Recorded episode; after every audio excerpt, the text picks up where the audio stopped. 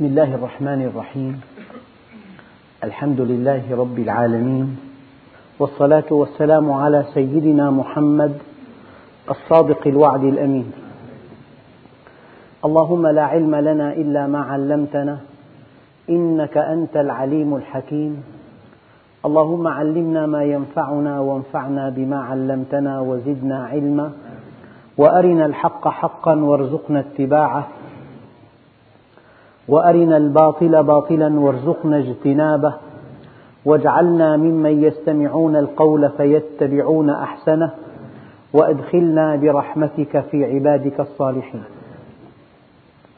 أيها الإخوة المؤمنون مع الدرس الأول من سورة القمر بسم الله الرحمن الرحيم اقتربت الساعة وانشق القمر. الساعة يوم القيامة. واقتربت أي اقترب مجيئها. وقد قال عليه الصلاة والسلام بعثت والساعة كهاتين. أي أن بعثة النبي عليه الصلاة والسلام أحد أشراط الساعة. بعثة النبي عليه الصلاة والسلام أحد أشراط الساعة. وقد ذكر النبي عليه الصلاة والسلام عن أشراط الساعة الشيء الكثير. بعضها وقع وبعضها لما يقع. أيها الإخوة اقتربت الساعة أي أيها العباد هيئوا أنفسكم لهذه الساعة. ويمكن أن نفهم نحن من هذه الآية أن لكل منا ساعة. قد تأتي قبل يوم القيامة. فالأولى أن يستعد الإنسان لساعته ساعة فراق الدنيا وساعة لقاء ربه. أن يستعد لهذه الساعة بمعرفة الله بمعرفة كتابه معرفة سنة نبيه بالتوبة بالعمل الصالح بالبذل بالتضحية يعني كأن يقول إنسان ناصح لطلاب اقترب الامتحان ما معنى اقترب الامتحان؟ ينبغي أن نستعد له بالدراسة بإتقان الدراسة بالحفظ باستغلال الوقت بعدم تضييع الوقت بالتعمق بالمذاكرة بالتدريب من أجل أن ننجح في الامتحان فاقتراب الامتحان يعني ادرسوا واقتراب الساعة يوم القيامة يعني استعدوا لهذا اليوم ليوم الدين يوم الدينونة يوم الجزاء يوم الحساب يوم يقوم الناس لرب العالمين يوم الحق يوم الفصل يوم أن يأخذ كل ذي حق حقه يوم أن تنكشف الحقائق. أن تصبح الحقائق واضحة كالشمس. يوم يوم تقع الواقعة ليس لوقعتها كاذبة خافضة رافعة.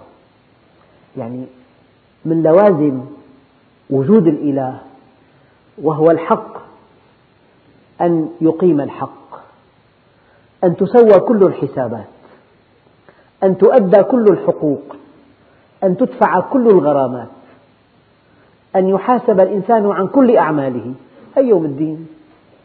أيها الإخوة ذكرت هذا في درس في قبل درسين سابقين. فرق كبير بين أن تؤمن بالحساب وبين أن تتوهم العبثية. إن توهمت العبثية لن تستقيم على أمر الله. أما إن آمنت بالحساب لا بد من أن تستقيم. يعني الله عز وجل كل أسمائه محققة في الدنيا. إلا اسم العدل لا تراه واضحا جليا إلا يوم القيامة. فالله سبحانه وتعالى يبدأ الخلق وقد بدأه ثم يعيده. لماذا؟ لتجزى كل نفس بما تسعى يبدأ الخلق ثم يعيده. لتجزى كل نفس بما تسعى يعني مرة ركبت مع صديق لي في مركبته. وضع صورة لمركبته وقد التقطت من جهاز الرادار. أرسلت له إلى البيت. أنه أنت التاريخ الساعة الدقيقة السرعة كانت كذا وصورة المركبة ولوحتها. هذا شيء مسكت. لا يستطيع أن يقول كلمة. ولا حرف. لم أكن كنت. الوقت والتاريخ واليوم والمكان والسرعة وصورة المركبة مع لوحتها. فإذا كان كل أعمالنا عند الله هكذا. كل أعمالنا مسجلة بدقائقها وتفاصيلها ووقتها ومكانها وزمانها ويوم القيامة تعرض علينا. ما لهذا الكتاب؟ لا يغادر صغيرة ولا كبيرة إلا أحصاها. ووجدوا ما عملوا حاضرا ولا يظلم ربك أحدا. يعني إذا الإنسان توهم أن جهازه الهاتفي مراقب كيف يتكلم؟ إذا إنسان راقب إنسان إذا مخلوق راقب مخلوق ينضبط أشد الانضباط. فكيف إذا أيقن أن على كتفيه ملكين يسجلان عليه كل حركاته وسكناته وكل أعماله خيرها وشرها صالحها وطالحها؟ فكأن الله سبحانه وتعالى حينما قال اقتربت الساعة أي يا عبادي استعدوا لها. استعدوا لها بالتوبة. حاسبوا أنفسكم قبل أن تحاسبوا. زنوا أعمالكم قبل أن توزن عليكم. ملك الموت تخطاكم إلى غيركم وسيتخطى غيركم إليكم فخذوا حذركم. اقتربت الساعة. فإذا أردت أن تفهم الساعة على أنها يوم القيامة وهذا هو الأصل. ولكن الشيء الواقعي القريب منك لكل منا ساعته التي لا بد منها. قد تأتي قبل يوم القيامة. والزمن يمضي والإنسان في خسر لأن الزمن يستهلكه يستهلكه. كلما انقضى يوم انقضى بضع منه. كلما انقضى يوم انقضى بضع منه. اقتربت الساعة. وأحيانا الإنسان يشيب شعره يضعف بصره يضعف سمعه تسقط أسنانه ينحني ظهره يتألم في مفاصله. تضطرب نسب دمه. يزداد تزداد الحموض تزداد المواد الدسمة. طيب هذه المؤشرات تدل على أن الساعة قد اقتربت. يا عبدي لقد اقترب اللقاء فهل أنت مستعد؟ إلى متى أنت باللذات مشغول؟ وأنت عن كل ما قدمت مسؤول؟ تعصي الإله وأنت تظهر حبه؟ ذاك لعمري في المقال شنيع. لو كان حبك صادقا لأطعته. إن المحب لمن يحب يطيع. إذا الآية الكريمة اقتربت الساعة. أي استعدوا لها بالتوبة. والله أفرح بتوبة عبده من الضال الواجد والعقيم الوالد والظمآن الوارد وشيء لا يصدق أن الماضي كله يلغى بثانية. من تاب من ذنبه كمن لا ذنب له. إذا الإنسان ذهب إلى بيت الله الحرام. تائبا منيبا مخلصا عاد من, من ذنوبه كيوم ولدته أمه. إذا جاءه رمضان وصام صوما صحيحا صام نهاره وقام ليله وعبد ربه خرج من رمضان كيوم ولدته أمه أعتقه الله من النار. إذا تاب العبد إذا صام العبد إذا حج العبد إذا صلى الإنسان الجمعة وتاب في أثنائها كفر الله له كل السيئات, السيئات التي كانت قبلها. أبواب التوبة مفتحة على مصارعها. والله سبحانه وتعالى يريدنا أن نتوب. والدليل والله يريد أن يتوب عليكم. يريد. وما فتح لكم باب التوبة إلا ليتوب عليكم. ما فتح لكم باب الاستغفار إلا ليغفر لكم. ما فتح لكم باب الدعاء إلا ليستجيب لكم. قال لكم ادعوني أستجب لكم. استغفروني أغفر لكم. توبوا إلي أتب عليكم. ماذا بقي؟ أي معنى اقتربت الساعة. كأن تقول لطالب في نهاية العام الدراسي اقترب الامتحان. يعني اذهب إلى النزهات. يعني نم إلى منتصف النهار. يعني تسلى بأشياء سخيفة. هل يعقل هذا؟ ماذا نقصد من قولنا لطالب على وشك الامتحان اقترب الامتحان. أي انتبه استنفر شمر. اكسب وقتك. إياك أن تضيع وقتك. هذا معنى اقتربت الساعة. فالساعة يوم القيامة والساعة ساعتنا كلنا. ساعتنا ساعة مغادرة الدنيا. وانشق القمر. الله عز وجل كما ورد في سورة الإسراء في قوله تعالى الله جل جلاله آه، ذكر في هذه السورة الكريمة حديثا وقالوا لن نؤمن لك. ولقد صرفنا للناس في هذا القرآن من كل مثل فأبى أكثر الناس إلا كفورا وقالوا لن نؤمن لك حتى تفجر لنا من الأرض ينبوعا. أو تكون لك جنة من نخيل وعنب فتفجر الأنهار خلالها تفجيرا. أو تسقط السماء كما زعمت علينا كسفا أو تأتي بالله والملائكة قبيلا أو يكون لك بيت من زخرف أو ترقى في السماء.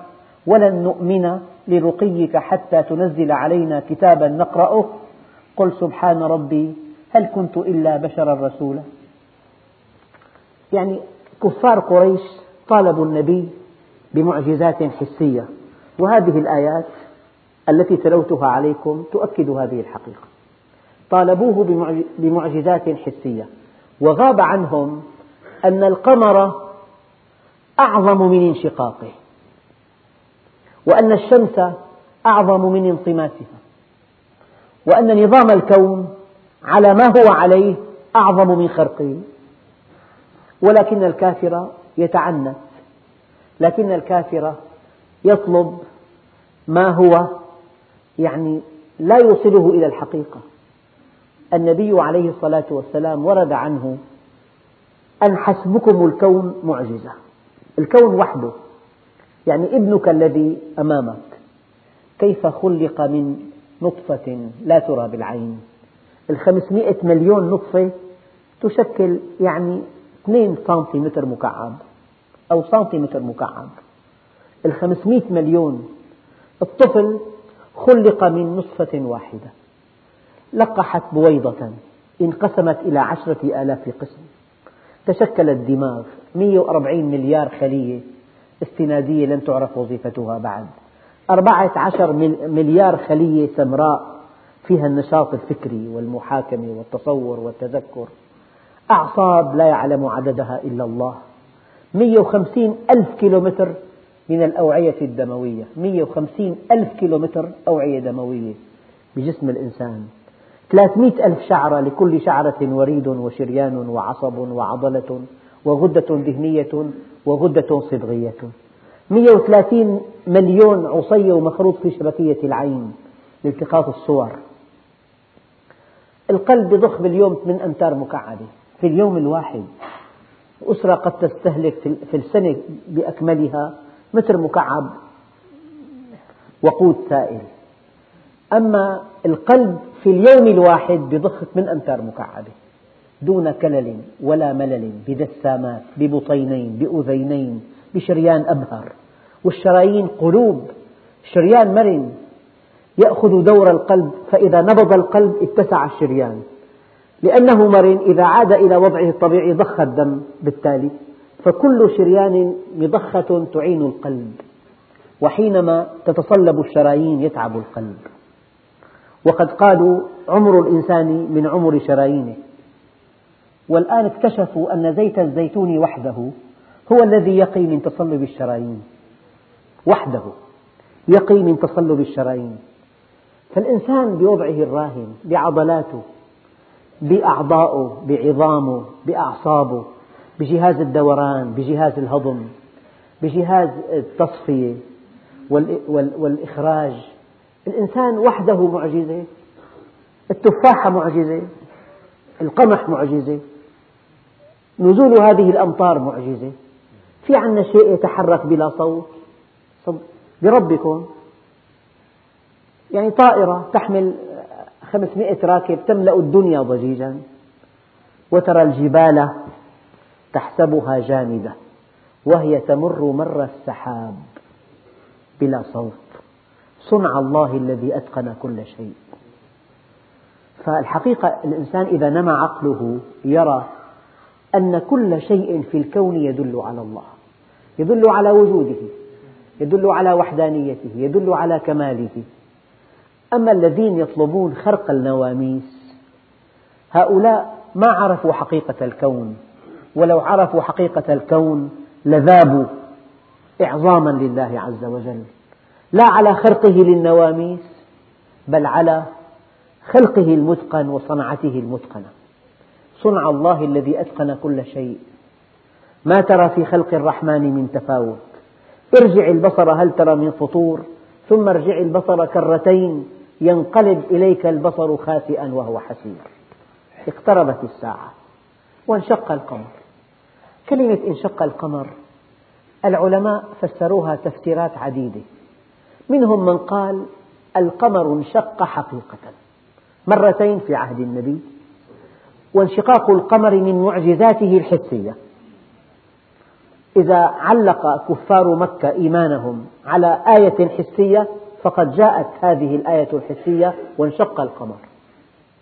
وبعضهم قال اقتربت الساعة واقترب انشقاق القمر. اقتربت الساعة واقترب انشقاق القمر. واقتربت الساعة تشبهها آية كريمة أتى أمر الله؟ فلا تستعجلوه معنى لم يأتي.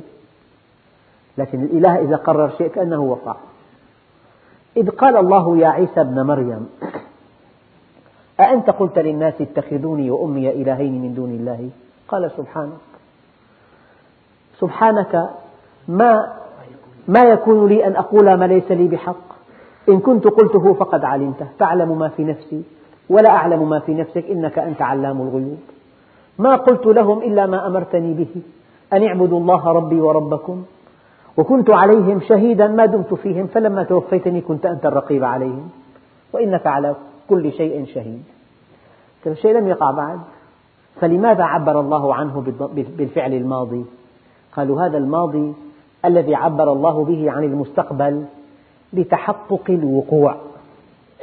الإنسان مهما كان قويا مهما كان متمكنا يقول لك سأفعل كذا بعد أسبوع قد يموت قبل أن يفعل. ما في جهة في الكون تستطيع أن تجزم بفعل شيء قبل وقوعه إلا الله. لذلك ربنا وحده إن عبر عن الماضي يستخدم فعل فعل إن عبر عن المستقبل إن عبر عن المستقبل يستخدم الفعل الماضي. إذ قال الله يا عيسى ابن مريم أتى أمر الله؟ لم يأتي بعد. والدليل فلا تستعجلوه. أتى فلا تستعجلوه. فالله جل جلاله إذا وعد بشيء وقع. إنما أمره إذا أراد شيئا أن يقول له كن فيكون. فإما أن نفهم الآية على أن القمر انشق حقيقة وهو من المعجزات الحسية للنبي عليه الصلاة والسلام كما قال كفار قريش يجب أن تأتينا بالملائكة قبيلة أن تفجر الأرض ينبوعا إلى آخره. فكانت هذه الآية استجابة لطلبهم كي يؤمنوا. وبعضهم قال انشقاق القمر لم يقع بعد لقوله تعالى فإذا انشقت السماء فكانت وردة كالدهان والقمر من السماء. فإما أن نعتقد أن القمر لم ينشق بعد وإما أن نعتقد كما قال بعض المفسرين إنه انشق على كل العبرة فيما يلي. اقتربت الساعة وانشق القمر وإن يروا آية يعرضوا ويقولوا سحر مستمر. طبعا هؤلاء الكفار الذين انغمسوا في شهواتهم إلى قمة رؤوسهم وأرادوا الدنيا أرادوا مالها أرادوا نساءها أرادوا زينتها أرادوا مباهجها أرادوا متعها الرخيصة. هؤلاء لا يستطيعون أن يصغوا إلى الحق لأنهم إن أصغوا إليه قيدهم وألجمهم وحدد حركتهم. فالذين ينغمسون في ملذاتهم إلى قمة رؤوسهم هؤلاء الذين يردون الحق. وقد قال عليه الصلاة والسلام الكبر بطر الحق وغمص الناس. بطر الحق رد الحق. تأتيك آية كفلق كالشمس في رابعة النهار يركب رأسه وينكرها. يأتي زلزال واضح جدا يقول لك اضطراب في القشرة الأرضية. لا يقبل أن تفسر الأشياء تفسيرا سماويا. لا يقبل إلا التفسير الأرضي. نعم إذا ذكر الله وحده اشمأزت قلوب الذين لا يؤمنون بالآخرة. أما إذا فسرت الأمور تفسير أرضي شركي يقبلونه. إذا وإن يروا آية آية كونية. وما أكثر الآيات الكونية. يعني الله عز وجل ونحن تحت سمعنا وبصرنا نرى بلاد أصابها الجفاف سنوات عجاف. أكلت الأخضر واليابس. نرى بلاد أصابها أعاصير دمرت كل شيء. نرى بلاد أهلكت بالفيضانات. نرى بلادا أهلكت بحروب أهلية. الله جل جلاله يقول ضرب الله مثلا قرية كانت آمنة مطمئنة يأتيها رزقها رغدا من كل مكان فكفرت بأنعم الله فأذاقها الله لباس الجوع والخوف بما كانوا يصنعون. شيء مخيف. الآيات تترى. الآيات بين أيدينا. الآيات نصغي إليها صباحا ومساء. مركبة فضائية سموها سموها المتحدي. احترقت بعد سبعين ثانية. وعليها سبعة رواد فضاء. فيهم امرأة بينهم. يتحدون من؟ أحيانا توضع الثقة كلها بشيء يأتي إعصار يدمره يأتي زلزال يهدمه. هذه آيات. والذي فعله الله بالأقوام السابقة آيات. هناك آيات كونية. الشمس والقمر آيتان الليل والنهار آيتان السماوات والأرض آيات تدل على عظمة الله عز وجل. خلق الإنسان آية طعامه آية شرابه آية الأسماك آية الأطيار آية الهواء آية الماء آية. هذه آياته الكونية تدل عليه وكتابه آيات قرآنية وأفعاله آيات تكوينية. أنت بين آيات ثلاث بين آياته الكونية وآياته التكوينية وآياته القرآنية. الكون خلقه والقرآن كلامه والأحداث أفعاله. وكل هذا يدل عليه. ولقد جاءهم وإن يروا آية يعرضوا ويقولوا سحر سحرنا. مستمر في معاني ثلاث. مستمر محكم سحر متقن. ومستمر سحر دائم. كثيرا ما يأتي الناس بمثل هذه الأقوال. يعني سحر دائم أو سحر ذاهب لا قيمة له سوف ينقضي. إما أنه ذاهب أو, إن أو أنه مستمر أو أنه محكم.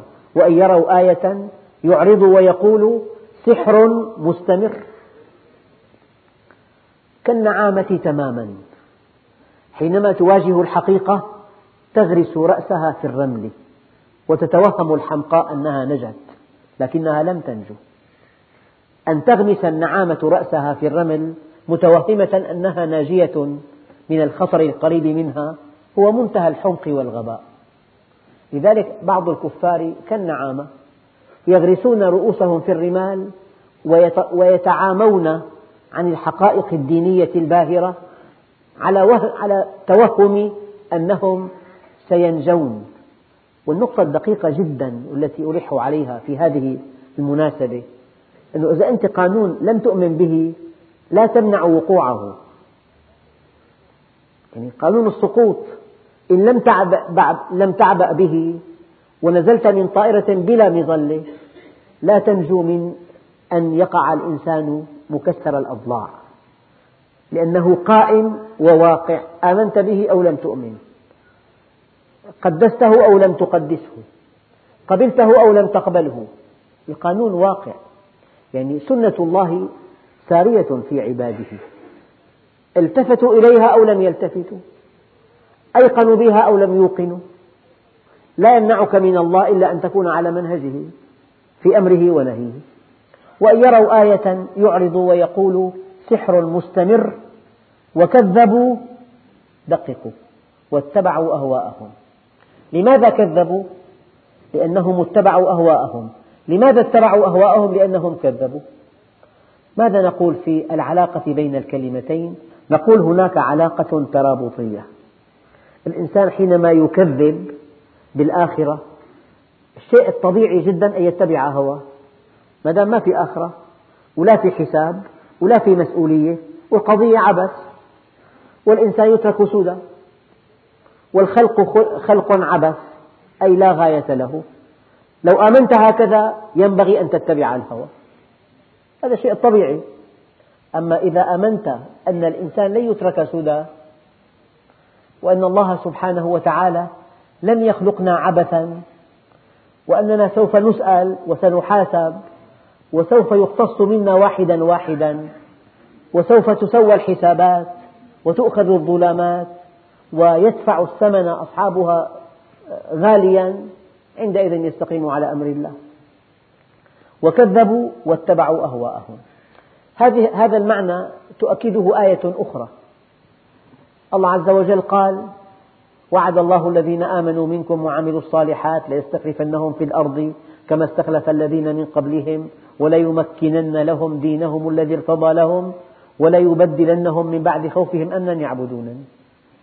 قد يسأل سائل ما الوضع نحن أين أين موقعنا من هذه الآية؟ موقعنا قوله تعالى فخلف من بعدهم خلف أضاعوا الصلاة واتبعوا الشهوات فسوف يلقون غيا. لماذا أضاعوا الصلاة؟ لأنهم اتبعوا الشهوات. لماذا اتبعوا الشهوات؟ لأنهم أضاعوا الصلاة. علاقة ترابطية بين إضاعة الصلاة واتباع الشهوات. وكذلك هذه علاقة ترابطية. كذبوا واتبعوا أهواءهم. آية ثالثة. فإن لم يستجيبوا لك فاعلم أنما يتبعون أهواءهم. ومن أضل ممن اتبع هواه بغير هدى من الله إن الله لا يهدي القوم الظالمين. أما الآية الدقيقة وكل أمر مستقر. الأمور تستقر على الصحيح. يعني الباغي عليه تدور الدوائر. والمخادع يخدع نفسه. والذي يمكر ما يمكر إلا بنفسه. والذي يستهزئ يستهزئ بنفسه. فالإنسان مهما تحرك الأمور تستقر على الحق. تصور كرة ألصق في مكان من جدارها الداخلي قطعة رصاص ودحرجها لا تستقر إلا والرصاص على الأرض. أبدا. وكل أمر مستقر الاستقرار على الحق يعني الله عز وجل يدمر الظالم ينصر المستقيم يرفع مكانة الأمين يفضح الخائن يدعم الصادق يفضح الكاذب. أبدا. كل أمر مستقر. وكذبوا واتبعوا أهواءهم وكل أمر مستقر. البر لا يبلى والذنب لا ينسى والديان لا يموت. اعمل ما شئت كما تدين تدان لأن الله موجود ولأن الأمر كله بيده ولأنه الفعال لما يريد ولأنه القاهر فوق عباده ولأنه على كل شيء وكيل. فالبر لا يبلى والذنب لا ينسى والديان لا يموت. المستقيم له معاملة. مستقيم له مصير رسمه الله له. في تأييد في نصر في حفظ. المنحرف له معاملة. ينكشف انحرافه ويلقى جزاء عمله. الغاش للمسلمين له معاملة. يفضحه الله ويخسر المال الذي جمعه من غشه. يفضحه الله على رؤوس الخلق ويخسر المال بل أضعاف المال الذي جمعه من الغش. والنصوح يرفع الله اسمه ويدعم عمله. كل أمر مستقر. الرحيم الله عز وجل يتجلى على قلبه. الراحمون يرحمهم الله. فكل أمر مستقر. الغشاش يكشف غشه. المنافق يكشف نفاقه. المحتال يكشف احتياله. الأمور لا تستمر على وضعها غير الصحيح. هكذا هذه سنة الله في خلقه. إنسان يحتال على الناس. لا بد من أن يفضحه الله. إنسان يكذب. لا بد من أن يكشف كذبه. يعني الأمور لا تستقر. الحائط لا يستقر إلا إذا بني على شاقول. فإذا بني من دون شاقول بني مائلا لا بد من أن يقع. وقوع البناء دليل أنه لم يكن صحيحا. ثبات البناء دليل أنه بني صحيحا. كل أمر مستقر. زوجان بنيا زواجهم على طاعة الله. هذا الزواج يستقر ويتنامى. زوجان بنيا زواجهم على معصية الله. هذا الزواج يتصدع وينهار. كل أمر مستقر. في معنى آخر لهذه الآية. يعني الأمور التي يفعلها الله عز وجل مبنية على علم. استقرار الشيء دليل إتقان صنعته. أيام يكون الطاولة صنعت بشكل سريع غير متقن غير مستقرة تتحرك. أما إذا كانت مستقرة معناها متماسكة ومتوازنة ومدروسة فالاستقرار معناه إتقان الصنعة الاستقرار. فكل أمر خلقه الله عز وجل مستقر على علم وعلى حكمة وعلى عدل وعلى رحمة وعلى عدالة. هذا المعنى الثاني. وإن يروا آية يعرضوا ويقولوا سحر مستمر وكذبوا واتبعوا أهواءهم وكل أمر مستقر. ولقد ولقد جاءهم من الأنباء ما فيه مزدجر. هذا كتاب الله. فيه قصص الأقوام السابقين. قوم عاد وثمود وقوم تبع وأصحاب الأيكة وقوم نوح وقوم لوط وقوم إبراهيم. كيف أنهم كذبوا فأهلكهم الله عز وجل. هؤلاء إذا اكتالوا على الناس يستوفون وإذا كالوهم أو وزنوهم يخسرون ألا يظن أولئك أنهم مبعوثون إلى رب العالمين؟ هؤلاء يحاسبون. فالقرآن فيه قصص الأقوام السابقة. أليست هذه مزدجرا للمنحرفين؟ في القرآن الكريم آيات كثيرة. ضرب الله مثلا قرية كانت آمنة مطمئنة يأتيها رزقها رغدا من كل مكان فكفرت بأنعم الله. فأذاقها الله لباس الجوع والخوف بما كانوا يصنعون. أليست هذه الأنباء كافية كي تزجر المنحرفين؟ إن في قصص الأنبياء السابقين أو أقوامهم المكذبين أو في آيات الحلال والحرام والحق والباطل والخير والشر أو في مشاهد يوم القيامة وما يتعذب فيه الكفار في النار وما يتنعم فيه المؤمنون في الجنة. ولقد جاءهم في هذا الكتاب من الأنباء ما فيه مزدجر ومع ذلك لم يزدجروا. هلا قد يأتي طبيب يأتيك بإحصاءات مذهلة أن نسب الذين يصابون بأمراض القلب من بين المدخنين عشرة أمثال. طبيب جراح جراح قلب قال لي بالحرف الواحد قال والله أنا أجري عمليات قلب مفتوح منذ سبع سنوات في هذه البلدة. وما دخل إلى غرفة العمليات مريض واحد إلا وهو يدخن من المدخنين. طيب تعطيه أمثلة تعطيه شواهد تعطيه أدلة أقوال.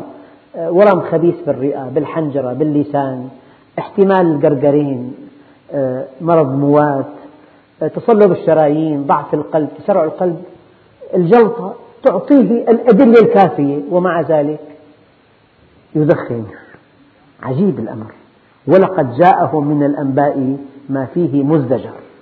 حكمة بالغة. فما تغني النذر. الإنسان إذا عطل عقله النذر لا تنفعه. الإنسان له باعثان باعث العقل أو باعث الشهوة. إن استجاب لباعث الشهوة يمشي في طريق الهلاك أما إذا استجاب لباعث العقل فهو في طريق النجاة.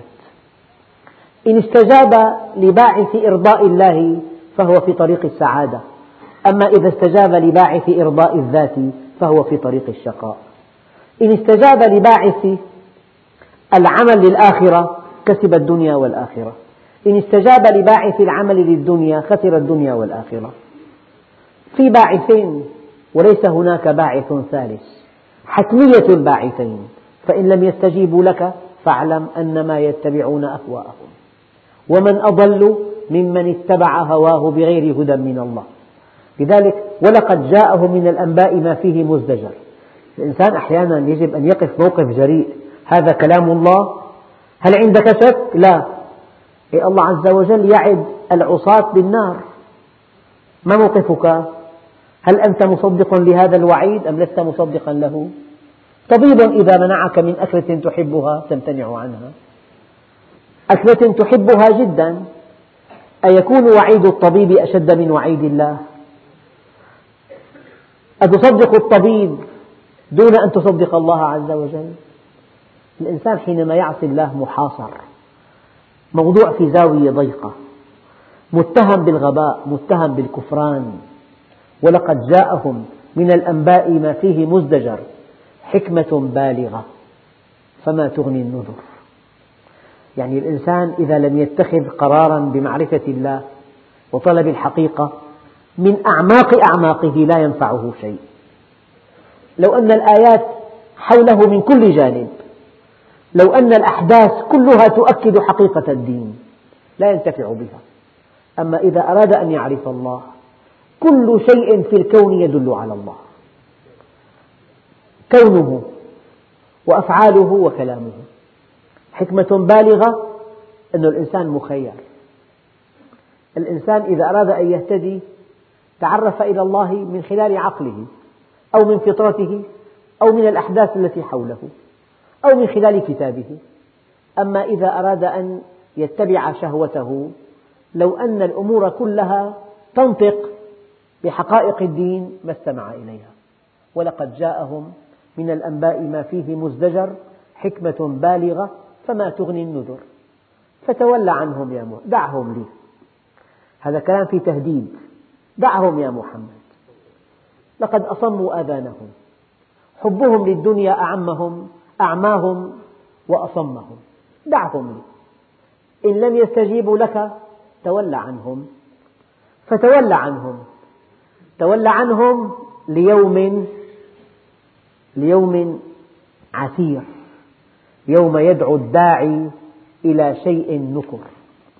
خش عن أبصارهم. يخرجون من الأجداث كأنهم جراد منتشر. مهطعين إلى الداعي يقول الكافرون هذا يوم عسير. يعني إخواننا الكرام حقيقة خطيرة جدا. أنت خيارك مع الإيمان خيار وقت. دققوا فيما أقول خيار وقت. إن لم تؤمن الآن وأنت صحيح قوي شاب غني حي. هذا أخذته من قول النبي الكريم. اغتنم خمسا قبل خمس. شبابك قبل هرمك.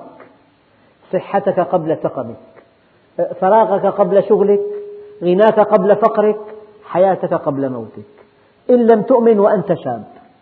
صحيح غني فارغ حي. فلا بد من أن تؤمن بعد فوات الأوان.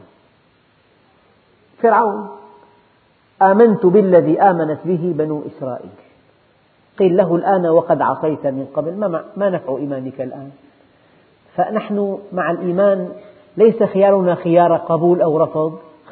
خيار وقت فقط. وقت.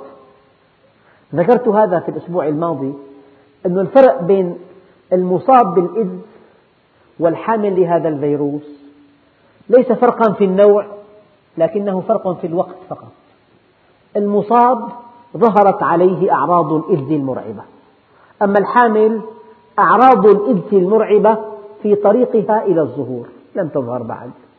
فقضية وقت بينهما. ليس هناك فرق نوعي فرق زمن. ونحن إن لم نؤمن لا بد من أن نؤمن. جميع الحقائق التي يعرضها القرآن الكريم سوف ترونها رأي العين عند مغادرة الحياة. رب ارجعوني لعلي أعمل صالحا غير الذي كنت أعمل غير الذي كنا نعمل. أولم نعمركم؟ ما يتذكر فيه من تذكر وجاءكم النذير؟ في نذير. يوم يعض الظالم على يديه يقول يا ليتني اتخذت مع الرسول سبيلا. يا ويلتى ليتني لم أتخذ فلانا خليلا. لقد أضلني عن الذكر بعد إذ جاءني وكان الشيطان للإنسان خذولا. فتولى عنهم كلمة مخيفة جدا. يعني إن لم يستجيبوا لك يا محمد دعهم لي. دعهم ليوم تشيب فيه الولدان. دعهم ليوم لا ينسى ليوم الهول الأعظم.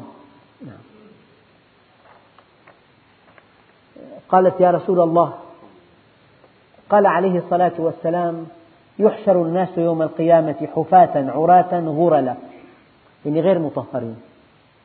فقالت يا رسول الله هكذا يرى بعضنا بعضا بلا ثياب. فقال عليه الصلاة والسلام يا أم المؤمنين الأمر أفظع من أن يعنيهم ذلك. بشدة الهول لا يعنيهم ذلك. أحيانا تقول الأم لابنها وقد وقعت عينه على عينه عينها على عينه يوم القيامة. تقول يا ولدي لقد كنت لك وطاء كان بطني لك وعاء وصدري سقاء وحجري وطاء فهل من حسنة يعود عليها خيرها يعود علي خيرها اليوم؟ قال ليتني ليتني أستطيع ذلك يا أماه إنني أشكو مما أنت منه تشكين. هذا يوم القيامة. كل شيء فعله الإنسان سيحاسب عليه. فإذا ما استجاب الآن نحن أصحاء أشداء يعني أحياء في معنى وقت فراغ. إن لم نستجب الآن الآن إن لم نستجب يقول الله لنبيه فتول عنهم. يوم يدعو الداعي إلى شيء نكر خش عن أبصارهم. يخرجون من الأجداث القبور كأنهم جراد منتشر. مهطعين إلى الداعي يقول الكافرون هذا يوم عسر فإذا نقر في الناقور فذلك يومئذ يوم عسير على الكافرين غير يسير. دققوا أيها الإخوة. توبوا إلى الله قبل فوات الأوان. اصطلحوا مع الله قبل أن يأتي يوم لا نستطيع ذلك. عالجوا أنفسكم حاسبوا أنفسكم قبل أن تحاسبوا. زنوا أعمالكم قبل أن توزن عليكم. هذه الآيات أيها الإخوة في درس قادم إن شاء الله. نتابع تفسير هذه الآيات مبتدئين بقوله تعالى كذبت قبلهم قوم نوح فكذبوا عبدنا وقالوا مجنون وازدجر والحمد لله رب العالمين.